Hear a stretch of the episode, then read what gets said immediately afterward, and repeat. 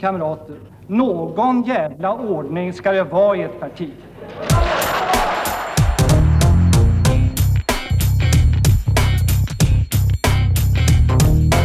Ja, skiter björnar i skogen? Frågetecken höll jag på att säga. Eh,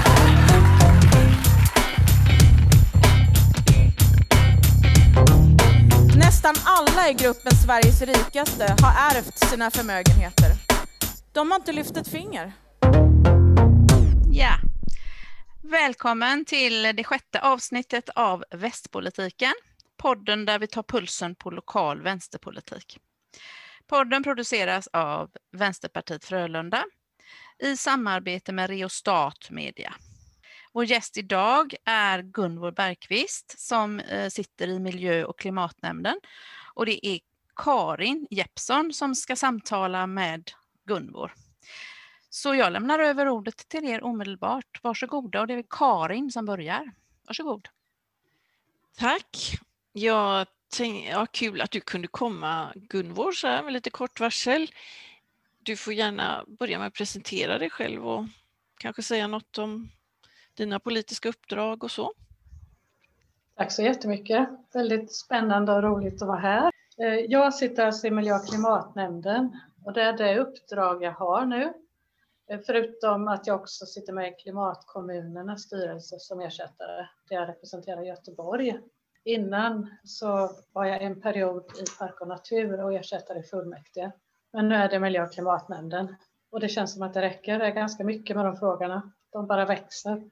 Sen tänkte jag fråga lite så här, miljö och klimatnämnden, vad har de för ansvarsområden och du kanske kan säga något om mandatfördelning och maktförhållanden också? Ja, miljö och klimatnämnden. Det är nog inte så många kanske som vet vad som händer där egentligen, men det är en väldigt stor nämnd och som sagt, det har, förvaltningen då, miljöförvaltningen har vuxit väldigt mycket för att behoven ökar eh, hela tiden. Jag kan säga först något om politiken då.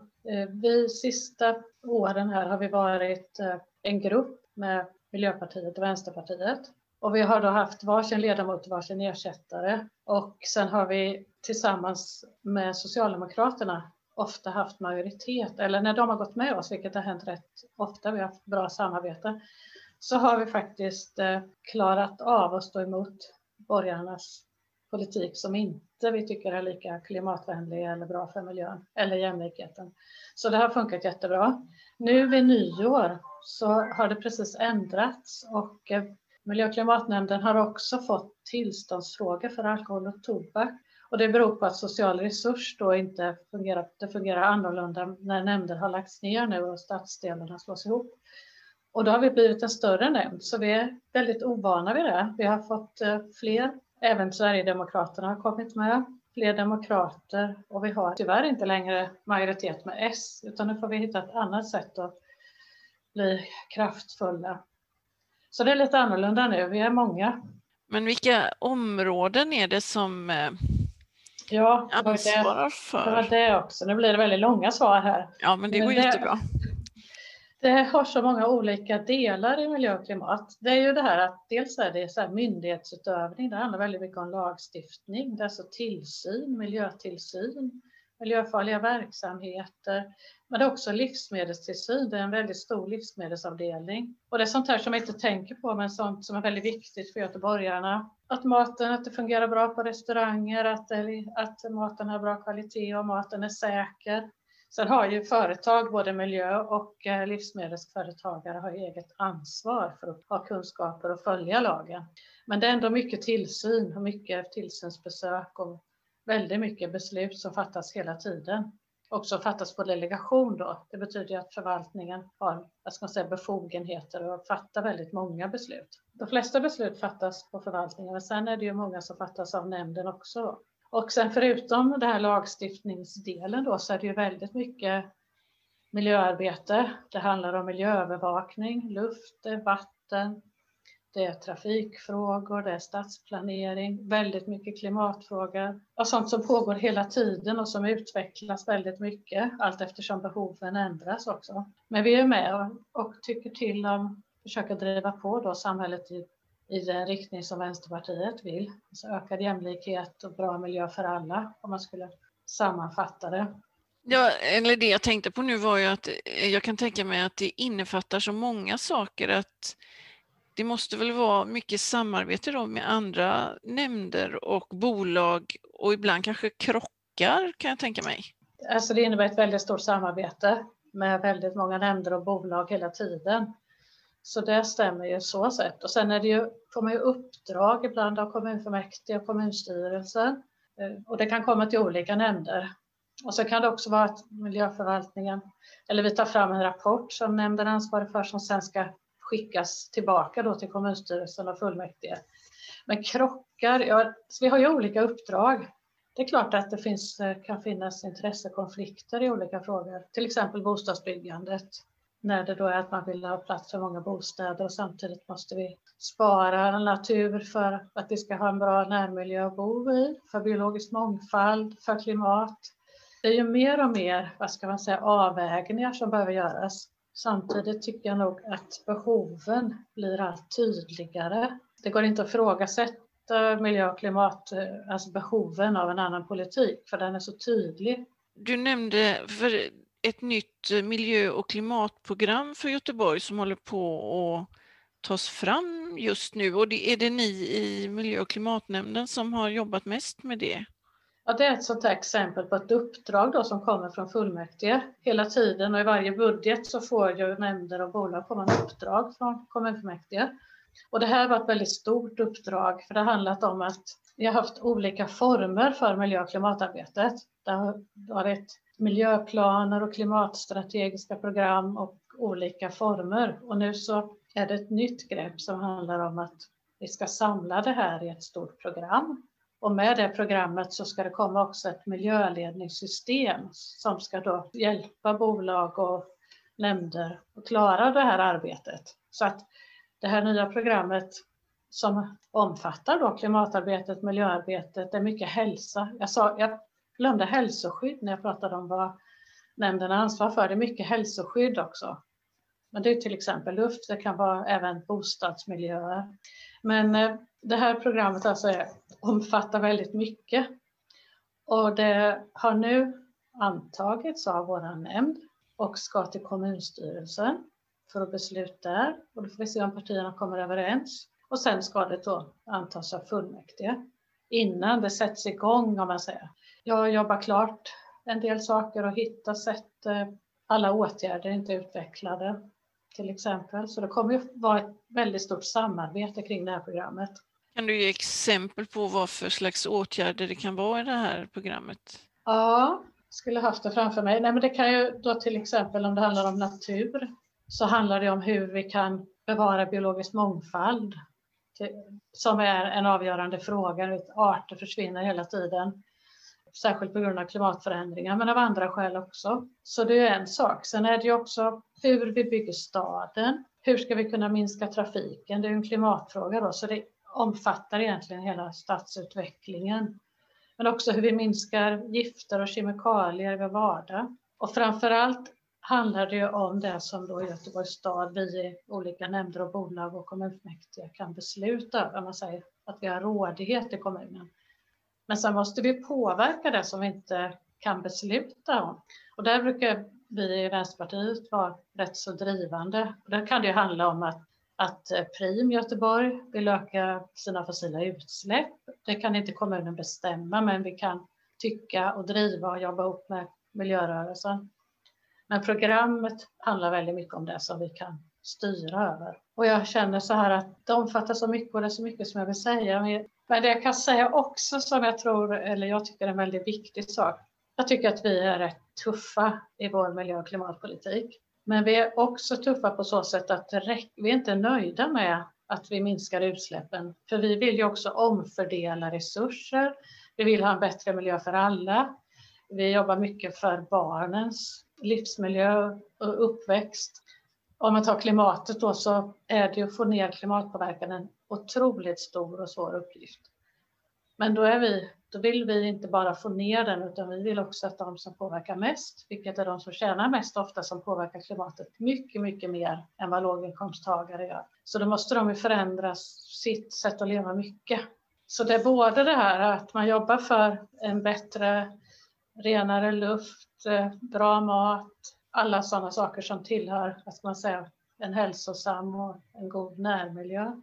Men också då samtidigt så kämpar vi hela tiden för en ökad jämlikhet, vilket också då är en del av det här miljö och klimatprogrammet. För där ska man följa de här styrande dokumenten och då finns det ett sådant dokument som är fattat av kommunfullmäktige.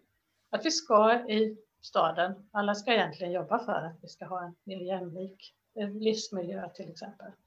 Mm. Ofta drabbar väl miljöproblem de som har det som är mest utsatta mest? Ja, så är det ju. Det är det här som är så sorgligt att eh, vissa grupper påverkar väldigt mycket och använder väldigt mycket resurser som sen då drabbar de som både har lite resurser och som kanske får en sämre hälsa. Så det är väldigt mycket sådana frågor som det handlar om i miljö och klimatarbetet.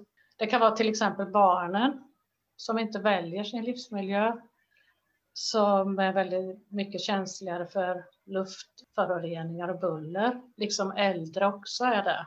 Och då är det ju vårt ansvar att försöka säga, skydda barnen och även de äldre då. Men samtidigt så kan det vara svårare för, för eh, folk med lägre inkomster att välja sin, sin bostad.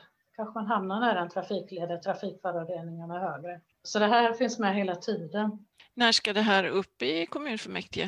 Det vet vi inte riktigt. Det ska till kommunstyrelsen nästa steg då. Det blir i vår.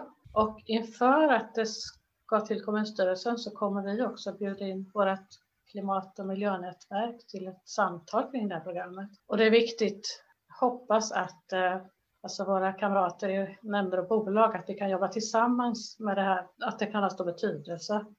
Men de här frågorna som jag pratar om nu med luft och jämlikhet och så, de finns ju hela tiden och de har funnits hela tiden, så det är inte nytt i och med programmet. Programmet är ett sätt att organisera upp och försöka snabba på det här jobbet och få det mer strukturerat i hela staden. Men just miljö och häls hälsofrågorna, de har ju alltid funnits. Och även om vi byter bränslen så fortfarande så är det mycket till exempel dålig luft. Mikroplaster och annat från trafik. Så trafiken är en jättestor fråga. Och där är ju trafiknämnden som har ännu större ansvar. Men vi jobbar ju ofta tillsammans och pratar mycket med varandra. Kan vem som helst, eh, vilken göteborgare som helst, läsa det här programmet och ha, tycka till om det? Det, det var på remiss uh, över sommaren, en ganska lång period. Nu är det ju inte så längre, så det, däremot kan ju våra medlemmar vara med, till exempel på det här mötet som vi har den 10 om man är med i, nät, i miljö och klimatnätverket, vi har en Facebookgrupp. Men annars kan inte vem som helst nu gå in och påverka programmet, utan det, det gör man genom de politiska partierna i det här skedet. Men sen vill vi i Vänsterpartiet hitta metoder för att involvera göteborgarna. Och där finns det väl inga färdiga förslag på än. Men det känns jätteviktigt att miljö och klimatrörelsen, men även vanliga invånare, på något sätt får delta eller också uppmuntras att delta i den här klimatomställningen till exempel. Jag sticka in med en liten grej där. Mm. Eh, klimat och miljönätverket, kan du berätta lite om det? Om det är sådana som lyssnar på detta som ja. engagerar sig? Vi har ju en del nätverk i vårt distrikt och det här nätverket satte vi igång för ganska många år sedan. Vi har en, egentligen en det är en Facebookgrupp som vi har där vi delar nyheter med varandra och har börjat också med lite sånt. Vi hade ett första Zoom-möte för inte så länge sedan och där då bjöd vi in medlemmar där och där i det nätverket så är man medlem i partiet. Det är egentligen väldigt mycket att vi byter erfarenheter men också att man kan ja, inspirera och försöka på, vara med och påverka också. Och det kan ju vara eh, när det är aktiviteter, alltså stoppa skeppsbrogaraget eller sådana saker. Mycket att vi delar med oss där och, och inspirerar och uppmuntrar till att vara med på saker. Men också kanske man lägger in nyheter. Det kan vara någonting som har hänt i riksdagen som Vänsterpartiet har gjort eller debattartiklar och så. Så det är en sån liten grupp som växer, har vuxit ganska mycket. Du nämnde miljörörelsen. Hur samarbetar eh, Vänsterpartiet med miljörörelsen i stort? Vi har ju inte så organiserat, men när det finns behov då, som till exempel det här skeppsbrogaraget eller Primraf i Lysekil, Stoppa Primraf, så är det ju ändå så att vi jobbar ju inom våra parlament då. Och när det gäller sådana frågor då, som till exempel Primraf, då är det ju på alla nivåer. Då är, våra vänner i riksdagen driver samma fråga. Och så gör vi vad vi kan på, på våra nivåer då. Men sen är många av oss är ju också alltså aktivister. Det är inte så att vi bara sitter på nämndmöten utan jag är ju, är ju med ute. Och min eh, bakgrund är i miljörörelsen. Jag började som trädkramare. så, Var så då det är någonstans? Ju, eh, ja, det var i Ödsmålsskogarna. Så det är många så eh, som eh, man gör både och. Och då stöttar man vi varandra i rörelsen och i partiet. Vi byter information och lyfter frågor på våra olika håll. Så det känns ganska naturligt. Och då är vi ju inte parti, alltså då, då är man sig själv om man är ute och gör något sånt hyss. Mm. Gritton berättade om eh, en grupp som heter Fossilfritt Göteborg. Är miljö och klimatnämnden inblandad i det också? Ja, det, Fossilfritt Göteborg det är, kommer sig av en utredning som också miljö och klimatnämnden hade i uppdrag att ta fram. Och den utredningen är jättebra, väldigt viktig. Den beskriver alltså vad krävs om vi i Göteborg ska bli fossilfria inom den tiden som Parisavtalet säger. Så det är en väldigt eh, här, gedigen rapport och eh, när den då blev klar så är ju nästa fråga hur ska det här genomföras då? Och då har det ju varit, eh, där tycker partierna lite olika, men eh, Grit sitter med i den gruppen som du sa. Och det är då en grupp som sitter under kommunstyrelsen kan man säga med olika partier som ska underlätta genomförandet av de här åtgärderna. Men eh, hittills har det inte varit de stora åtgärderna som har blivit genomförda för att politiken inte är överens. Det är väldigt, väldigt skillnad på hur, hur vi ser på klimatfrågorna mellan olika partier. Vi vill ju minska biltrafiken kraftigt, öka kollektivtrafiken, öka cykel och gång. Medan eh, vissa andra partier klarar inte att höja parkeringsavgifter. Eller, alltså, det är på väldigt olika nivåer så därför har det varit svårt än så länge. Tyvärr. Är, är det väldigt olika då också hur allvarligt man ser på klimatkrisen? Ja, det där är ju det är svårt för mig att säga. Jag tycker själv att det är, ibland känns det som ett mysterium varför inte alla känner att vi måste verkligen ta krafttag och göra mer. Jag tror att de flesta, åtminstone de som är politiskt engagerade och engagerade i de här frågorna, ser ju allvaret. Men jag kan inte svara Karin, jag tycker att det här Nej. är väldigt svårt. Jag känner ju nämnden att även de här åren så är vi egentligen ganska överens. Vi, sitter, vi är inte oense om problem, att problemen finns eller så. Alla partier tycker att de bidrar, men vi har väldigt olika syn på vad som behöver göras också. En del ser mer tekniken som en lösning. Vi ser att det räcker inte och vi ser ju också att vi måste fördela om resurser, så vi är ju kanske, vi driver ju lite, lite bredare och lite tuffare tycker jag då. Men det måste ändra sig. Alltså de andra partierna måste också, ja, vad ska man säga, ändra sin politik. Annars måste vi snabbt växa och bli väldigt många fler på vänsterkanten. En helt annan, eller helt annan, men det är ju också en miljöfråga de här med utökade militärövningar i skärgården utanför Göteborg. Ja, vill du berätta om det? Det händer ju besynnerliga saker kan man säga. Vi gör allt vad vi kan nu för att skapa en ren livsmiljö till kommande generationer. Samtidigt så har vi då en försvarsmakt som eh, vill starta en omfattande verksamhet i vår skärgård, alltså i en av våra stadsdelar. Och den här ansökan kom redan 2008 och 2010 så fick Försvarsmakten tillstånd till väldigt omfattande övningar, även internationella militärövningar i skärgården. Och det här är ju, alltså vår skärgård är ganska liten, så det är ju även väldigt nära bebyggelse. Och det är ju i en skärgård som har, är skyddad, vad säger riksintresse för naturvård, kulturvård och friluftsliv. Men fortfarande så är inte det här beslutat. Försvars, eller Försvarsmakten har, de har börjat öva mer och eh, spränger och skjuter och så, men de har inget tillstånd egentligen. För tillståndet det ligger, det överklagades och 2012 yttrade sig Mark och miljödomstolen var det nog till regeringen. Så, så går det till när det handlar om försvarsfrågor. Då fattar inte domstolen beslut utan det gör regeringen. Så sedan dess så har det här tillståndet legat där på miljödepartementet och eh, oroar många då, särskilt skärgårdsbor. Men det oroar nog alla som, som eh, upptäcker hur det ligger till då och vi är väldigt oroliga för att Försvarsmakten skulle verkligen få sätta det här till, ja, sätta det här till verket.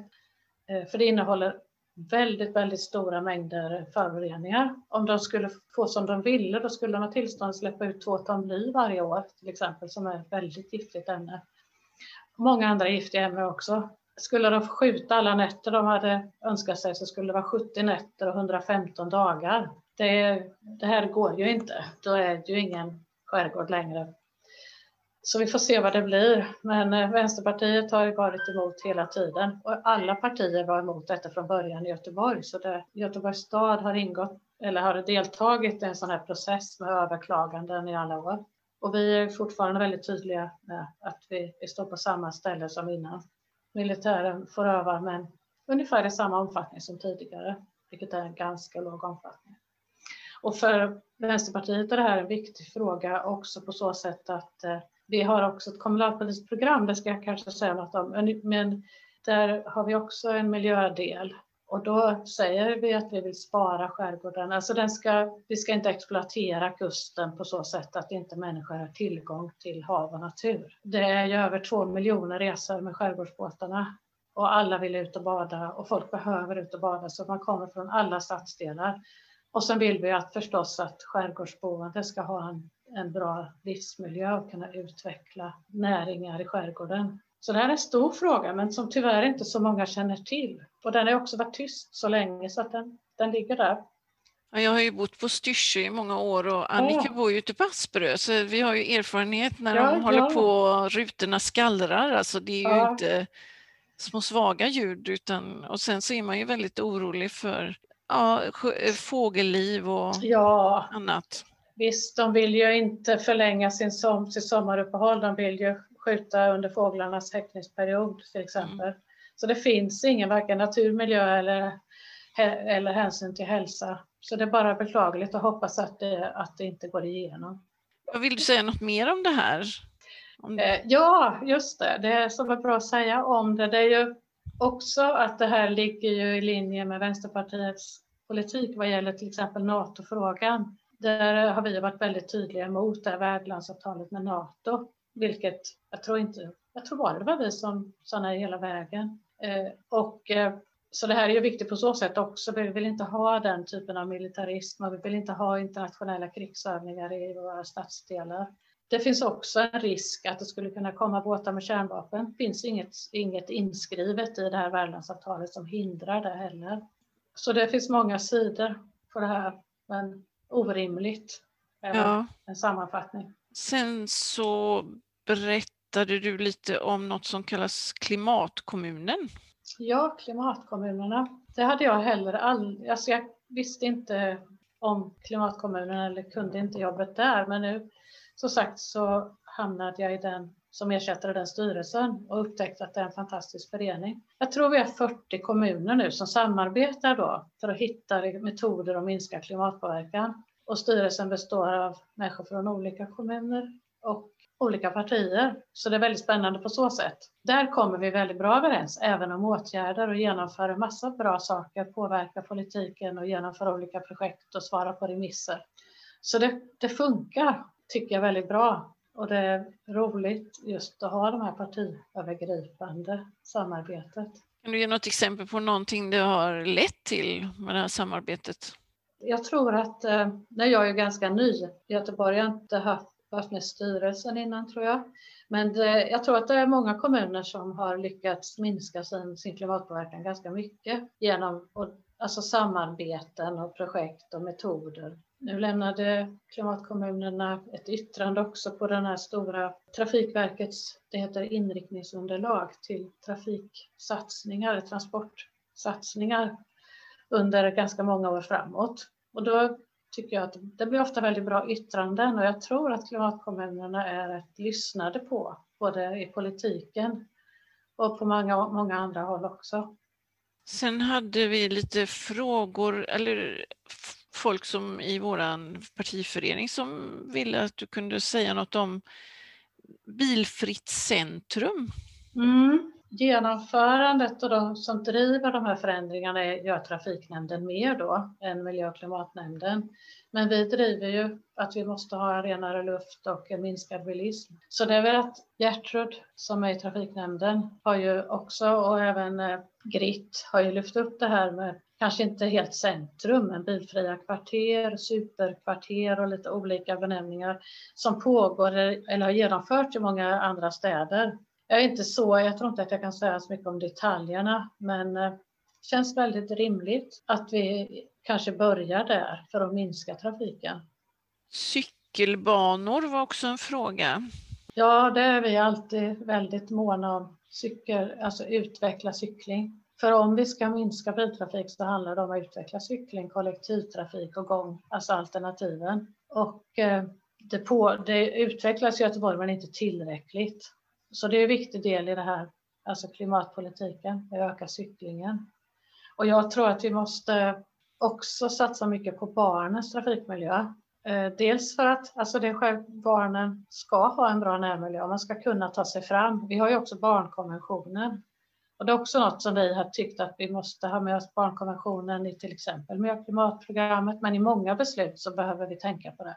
Och eh, att barn ska kunna växa upp och bli cyklister, att man blir van att gå och cykla istället för att sitta i en bil och sen ska man försöka, alltså det blir en vana också och barn mår mycket bättre om de själva kan ta sig fram. Så det är både till skolan och till fritidsaktiviteter. Det är en jätteviktig sak tycker jag. Och så var det här med Dag Hammarskjöldsleden, att det ska bli mm. någon slags boulevard. Det är också så att de här utvecklingarna, eller vad ska man säga, just av trafik, det, det är fortfarande mer trafiknämnd. Det här är ju många nämnder inblandade för en så, så stor fråga. Men miljö och klimatnämnden planerar inte på det sättet utan bidrar då med synpunkter på miljö och hälsa på, titta på hur luften kan bli, hur boendemiljön kan bli. Man ska bygga nya, nya bostadskvarter också där nära Änggården. Så alla nämnder bidrar med sitt då och uppdraget här är just, just miljö, klimat och hälsa. Så det är mycket att vi eh, yttrar oss i våra nämnd i de här olika frågorna och så, till, och så lägger man ihop de olika nämndernas vad ska man säga, uppdrag. Ibland har vi ju lite liknande. Alla tycker utifrån sitt uppdrag kanske ganska lika. Och nu i eh, Göteborg och i kommunfullmäktige eller i era nämnd, vilka frågor är mest på gång just nu och aktuella?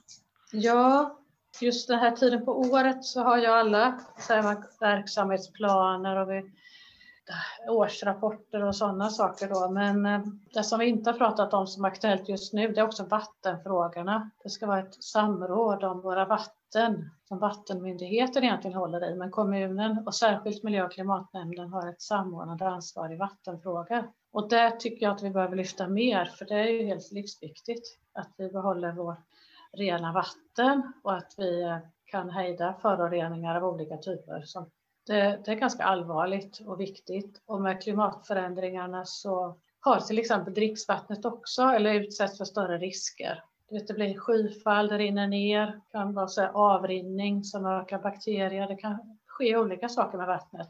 Översvämningar, skyfall som också påverkar. Och skyfall gör ju också att vi får mer, att det rinner mycket vatten ut, till exempel Göta älv, men i alla vattendrag som kan föra med sig föroreningar mikroplaster från trafik eller andra typer av föroreningar. Tyvärr var det så att vi, vi nådde inga miljömål och då är havet en, en, en stor fråga där vi i Göteborg borde kanske vara mer aktiva. Vi är ju ändå en stad vid havet. Så det är något som jag känner är väldigt viktigt och jag ska försöka engagera mig lite mer i de här frågorna. Eh, så det är en, den är aktuell. Sen har du, det jag inte sa som jag skulle vilja säga också som har varit och fortfarande är aktuellt, det är att, att miljöförvaltningen genomför ju också väldigt mycket tillsyn nu under pandemin. Jag tycker att eh, de är otroligt duktiga, ska jag säga också, på den här förvaltningen. Så mycket kunskap inom alla möjliga frågor. Och nu när pandemin kom så har det ju varit inspektörer som är ute både kvällar och nätter och hjälper till och ser till att regler följs och så vidare. Så det är ett jättestort arbete som har också påverkat resten av arbetet eftersom mycket resurser har varit tvungna att gå till den tillsynen. Så det har varit lite annorlunda det här eh, året. Men annars är det ju alltid miljö och klimatfrågor av olika typer. Det här med djur, ligger det också inom klimat och miljönämnd? Inte, till, inte djurskyddstillsynen, den ligger nu på Länsstyrelsen tror jag. Förr låg Mm. den i kommunen. Men det är en jätteviktig fråga. Där Vänsterpartiet driver en väldigt bra djurskyddspolitik. Som till exempel nu har bidragit till att minkarna, att vi inte ska ha minkar instängda ett tag i alla fall framöver.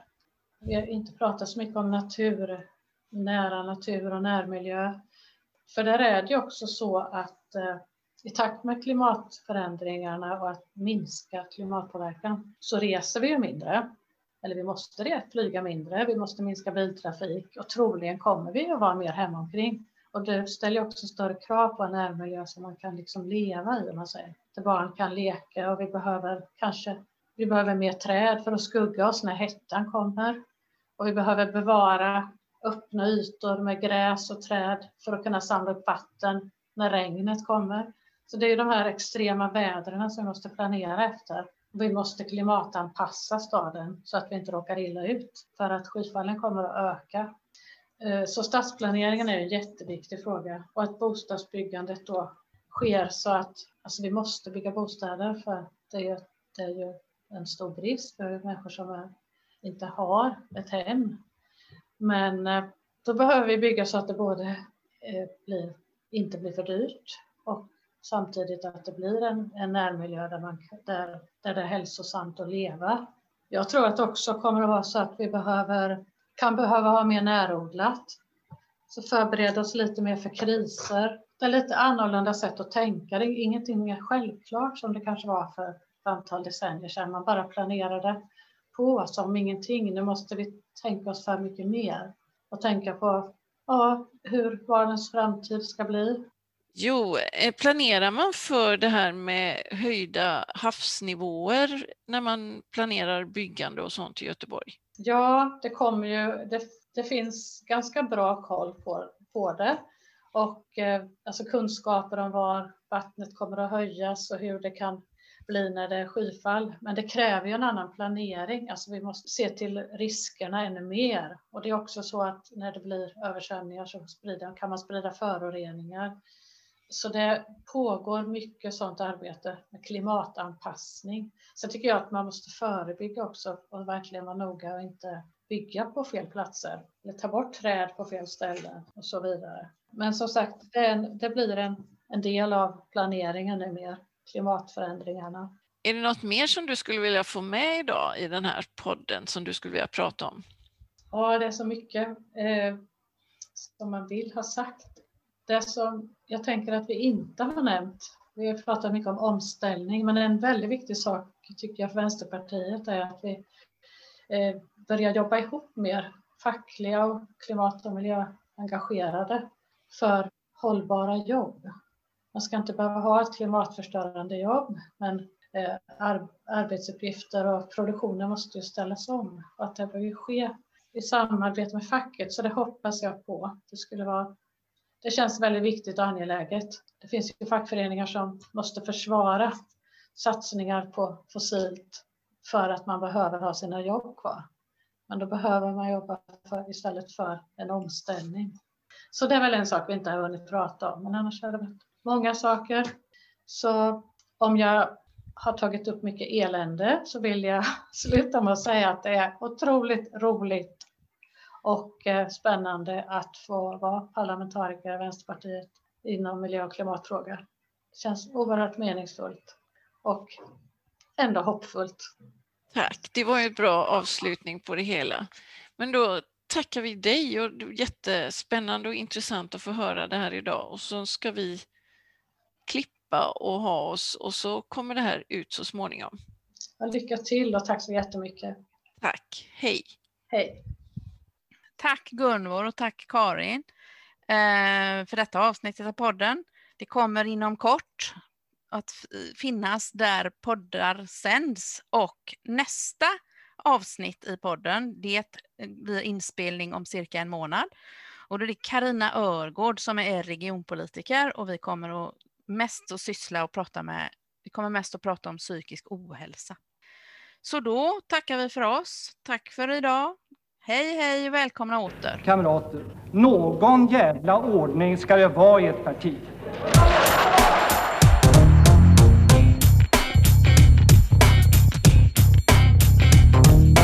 Ja, skiter björnar i skogen? Frågetecken höll jag på att säga.